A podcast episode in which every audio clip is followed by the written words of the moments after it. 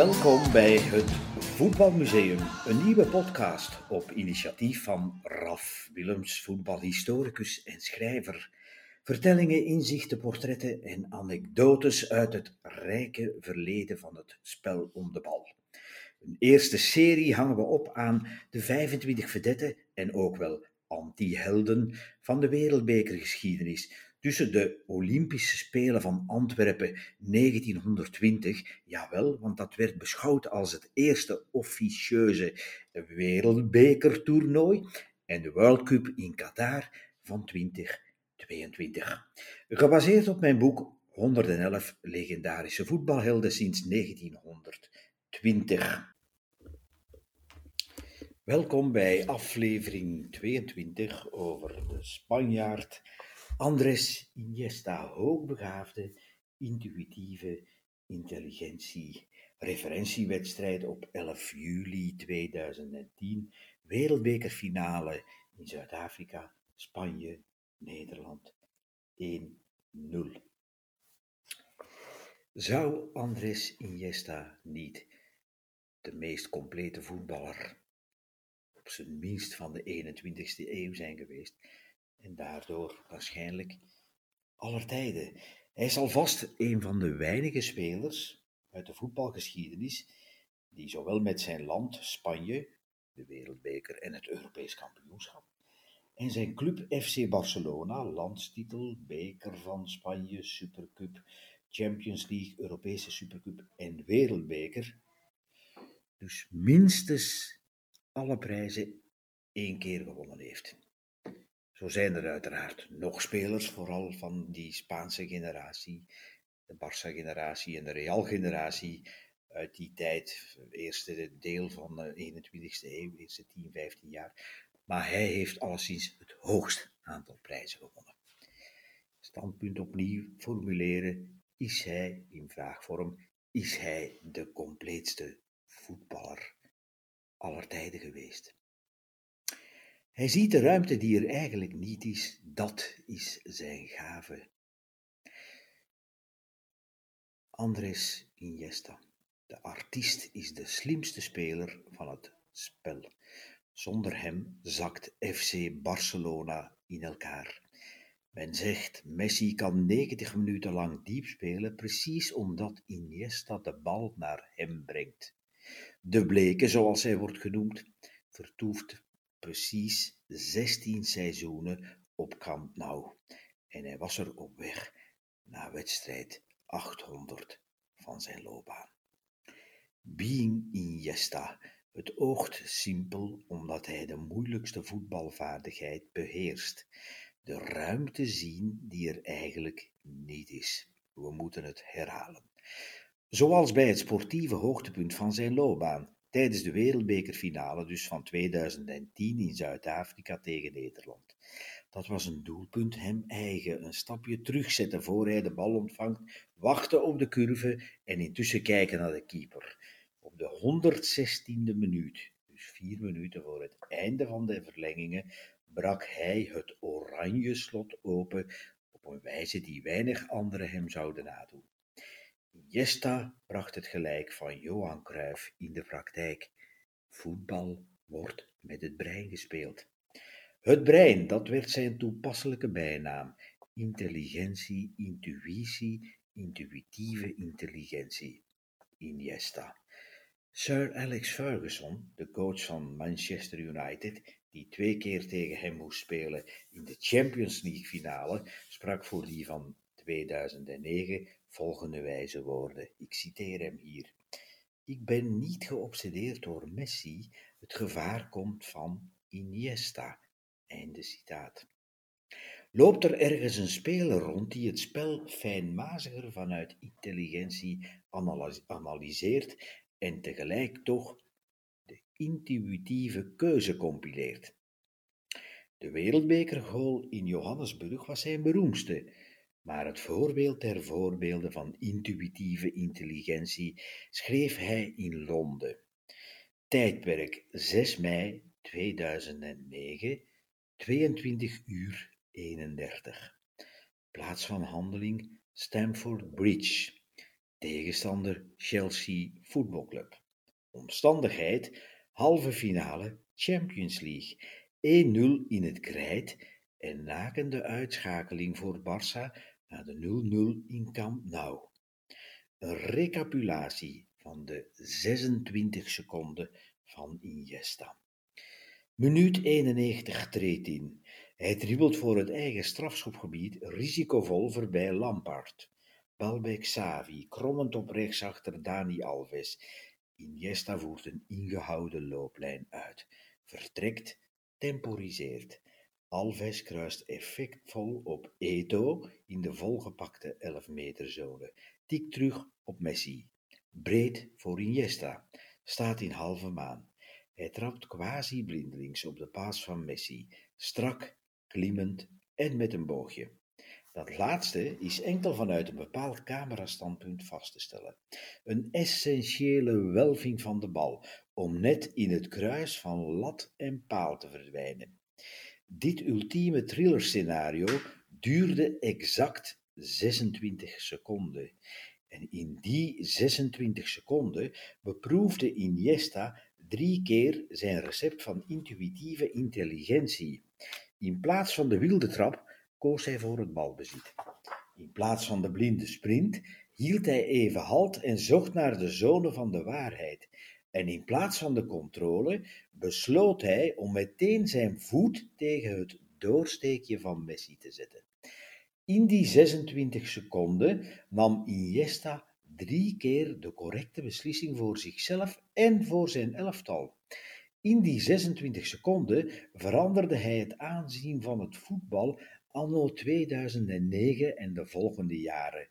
Een plaats voor Barça in de geschiedschrijving met superlatieven over het schone spel. Intelligent, intuïtief, Iniesta.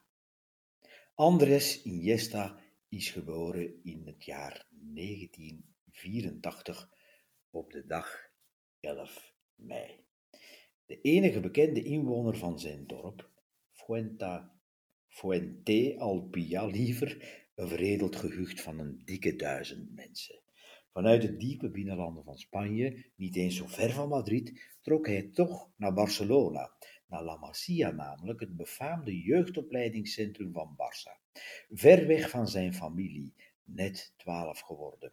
Het deed hem pijn. Hij weende bij elk vertrek en beschrijft in een beklemmende scène in zijn biografie hoe zowel zijn ouders als hij zelf zich diep ongelukkig voelden bij het eerste afscheid in Barcelona. Mijn kindertijd eindigde die avond abrupt. Zo beschouwt hij het zelf. Hij verborg zichzelf voor de anderen en sprak amper met iemand. Het enige teken van persoonlijke beleving was een poster op zijn kamer van de speler Pep Guardiola. In 1919 keken de koppen in zijn richting nadat hij op zijn vijftiende jaar in de prestigieuze Nike Cup tot speler van het toernooi werd uitgeroepen. Het toeval stak een handje toe, want Guardiola zelf overhandigde de prijs met een gesigneerde foto van zichzelf en een boodschap. Voor de beste voetballer die ik ooit heb gezien. Dat schreef dus Guardiola over die jonge Iniesta. Tegen de 19-jarige Xavi, op dat moment doorgebroken in Barça A, sprak Pep, jij zult mij ooit uit het elftal spelen, maar hij, dus doelend op Iniesta, zal ons beiden doen vergeten. Een decennium later vormden zij de magische triangel van het internationale voetbal. Pep Guardiola langs de lijn als coach en Xavi en Iniesta als tiki-taka twins, tiki-taka twins, zo moet het zijn, op het middenveld. In 2005 was het vijf jaar geleden het laatste kampioenschap. En pas toen coach Frank Rijkaard voluit in hem geloofde, 37 selecties in 38 competitiewedstrijden, bleek Barça rijp genoeg voor. Tijdens de Champions League finale tegen Arsenal in 2006, een seizoen later, veranderde Iniesta het spelbeeld na zijn invalbeurt bij 0-1 achterstand. Vanaf dan begon zijn team echt te voetballen en won uiteindelijk met 2-1. En hoewel hij er zelf niet aan deelnam, werd hij toch het slachtoffer van de superstar cultus in 2007 en 2008 en de degeneratie van het tweede Dream Team, dat dus in 2006 zowel de Champions League als het kampioenschap had gewonnen, rond de vedette Ronaldinho. Real Madrid dacht Iniesta toen met een slimmigheidje in te lijven, maar hij toonde in de slechte tijden zijn trouw aan Barça. Het bestuur schonk hem een contract tot 2015. En dat dankte hij aan zijn veelzijdige spel. Iniesta bezit het métier van drie middenveldstijlen. Hij kan uit de voeten als controlerende man, als schaduwspeler zonder vliegende tackles. Hij zwerft graag uit over de linkerflank. Rijkaard noemde hem zijn valse buitenspeler. En hij voelt zich het best in de door Guardiola ontworpen twee-eenheid met Xavi centraal op het middenveld. Men roemde hem wel eens als de man die eb en vloed souffleert. Hij bepaalde opkomst en terugtocht van de golven. Door zijn opofferingsgezindheid deerde hem niet waar de trainer hem posteerde en zijn sobere levenshouding werd hij het voorwerp van bedenkers van bijnamen. El Cerebro, het brein, en El Antigalactico, een sneer richting Real Madrid en zijn Galacticos. Of in de ironische zin, de Party King. En zijn magere heimprofiel was goed voor de benaming El Caballero Palido. Hier associeerde men zijn bleke gelaatskleur met zijn hoofdse optreden, de bleke ridder. De ernstigste krant van Spanje, El País, liet alle remmen los in het huldebetoon. Nureyev. Iniesta spande zich volledig in voor het elftal, zij het met techniek, inzicht en positie. Hij meet doelbewust de belangstelling. Geen discotheken, nog media. Op persontmoetingen was hij volkomen zijn stille en gereserveerde zelf. Hij charmeerde uiteindelijk door zijn gebrek aan charme. Zo werd hij zelfs het thema van de muziek van de band Estopa, die Catalaanse rumba mengt met rock en flamenco. De zanger en de gitarist nodigden hem uit als ritmesectie bij een televisiespot en fabriceerde een gig ter ondersteuning van zijn kandidatuur bij de verkiezing van beste speler ter wereld. Trainer Luis Enrique gaf hem in 2014 de aanvoerdersband in opvolging van Xavi. En plots was de ooit zo bescheiden Iniesta de leider van het elftal. Zijn introverte spel werd nog completer. Hij hecht het elftal aan elkaar op een wijze die niet in het oog springt. Hij componeert de muziek naar de triomf van het tempo, sneller, trager, rust. En omgekeerd, circulatiespel in alle richtingen. De show wordt sober geregisseerd door El Illusionist. Niets is wat het lijkt en toch, het is echt. Treble in 2015, dus Champions League gewonnen, kampioen en bekerwinnaar van Spanje. En dubbel kampioen en bekerwinnaar opnieuw van Spanje in 2016. Dankzij de complete voetballer Iniesta. Hij kan aanvallen, verdedigen, creëren en scoren. Bijzonder mooi scoren, overigens. Zoals in Madrid tegen Real 0-4 op 21 november 2015.